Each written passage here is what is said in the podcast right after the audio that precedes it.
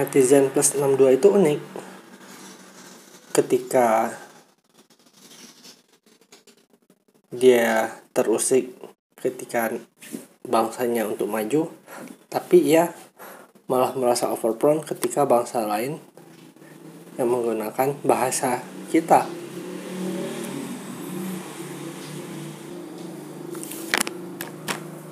Welcome to my podcast. Kembali lagi dengan gue Amar Buat yang udah mendengarkan podcast gue sebelumnya Gue ucapin terima kasih. Dan buat yang baru datang atau yang baru bergabung Selamat datang. Semoga kalian dapat informasi yang bermanfaat Dari post random yang gue posting.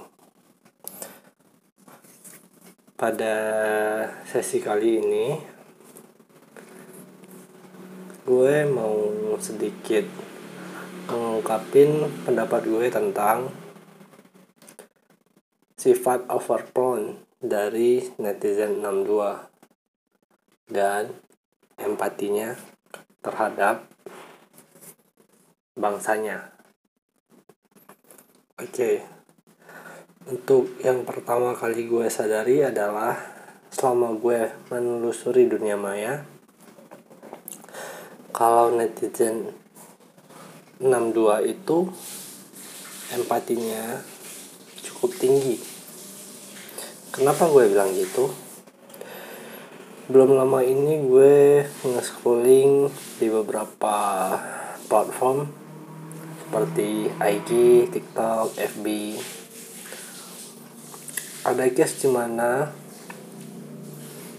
seseorang mengupload foto tentang pekerjaannya yang mana pekerjaannya itu bisa kita bilang cukup ekstrim. Misalnya seperti pemadam kebakaran atau pemanjat tower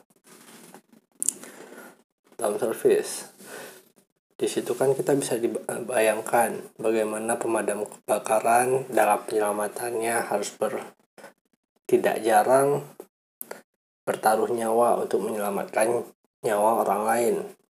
Atau misalnya para teknisi yang memperbaiki tower yang mana kondisi towernya itu sendiri seperti misalnya tower listrik atau tower untuk uh, jaringan telkom selain ber taruh nyawa dengan ketinggian mereka juga tidak jarang harus menghadapi konsekuensi arus bertegangan tinggi. Yang mana pada hal ini juga sama bertaruh nyawa. Dan respon dari netizen 62 kita adalah mereka akan membayangkan posisi mereka sebagaimana posisi para pekerja-pekerja tersebut dan memberikan berbagai macam respon. Seperti wih nggak kebayang deh kalau gue di sana. Kalau gue di sana mah gue udah meninggoy kayaknya gue duluan yang kesa uh, kayaknya kalau gue yang di sana malah gue yang minta diselamatin. Dan berbagai macam komentar-komentar yang bisa kita bilang empati dari netizen negeri plus 62 yang perlu digarisbawahi adalah bahkan mereka sendiri yang mengupload hal itu pun bukan meminta empati. Mereka akan merasa bersyukur kalau misalnya kita, hmm, diberikan kata-kata semangat seperti semangat uh, sehat-sehat. Atau ya sekedar pujian-pujian kecil. Yang intinya memberi semangat dan motivasi buat mereka bekerja. Karena pada dasarnya alasan mereka mengupload karena mereka ingin diapresiasi dan sedikitnya dipuji. Tapi yang terlintas di pikiran netizen 62 dengan empatinya yang tinggi adalah membayangkan mereka di tempat tersebut. Hey, wait a minute. Siapa yang nyuruh kalian untuk membayangkan diri kalian di situ? Kalian perlu tahu ketika mereka ditempatkan di posisi itu, mereka telah dilatih dan dipersiapkan sebaik mungkin untuk menghadapi hal tersebut mereka udah tahu konsekuensinya mereka udah tahu gimana cara nanggulanginnya dan mereka diberikan pengamanan sebaik mungkin untuk berada di tempat tersebut. Yang sebagaimana mungkin karena perusahaan sendiri pun menggaji mereka dengan cukup tinggi tapi dengan keamanan karena cukup sulit untuk melatih teknisi-teknisi yang seperti ini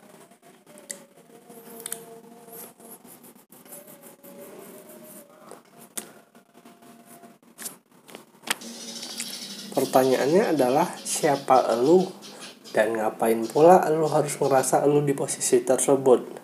Ya wajar kalau misalnya elu itu ngerasa lu bakal meninggoy gemetaran perlu diselamatin. Karena pada dasarnya lu nggak dipersiapin untuk hal tersebut.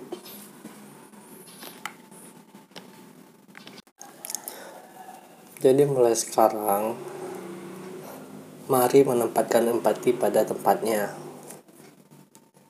bukan pada sesuatu yang tidak pada tempatnya. Misalnya seperti ada musibah atau seperti bencana alam. Itu adalah saat yang tepat untuk kita menunjukkan rasa empati dengan membayangkan bagaimana kalau kita yang mengalami hal tersebut.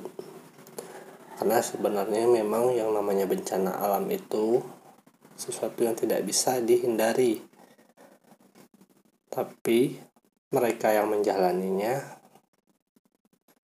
juga nggak selalu kuat di situlah kita hadir untuk memberikan bantuan dan dukungan terlepas itu dari finansial, tenaga, bahkan doa sekalipun. Di titik itulah empati dibutuhkan. Karena pada dasarnya nggak selalu. Empati itu disalurkan pada segala hal. Oke sekian podcast gue hari ini. Terima kasih udah ngedengerin. Kalau misalnya kalian ada pertanyaan kalian bisa tulis di kolom komentar atau uh, tag line gue di FB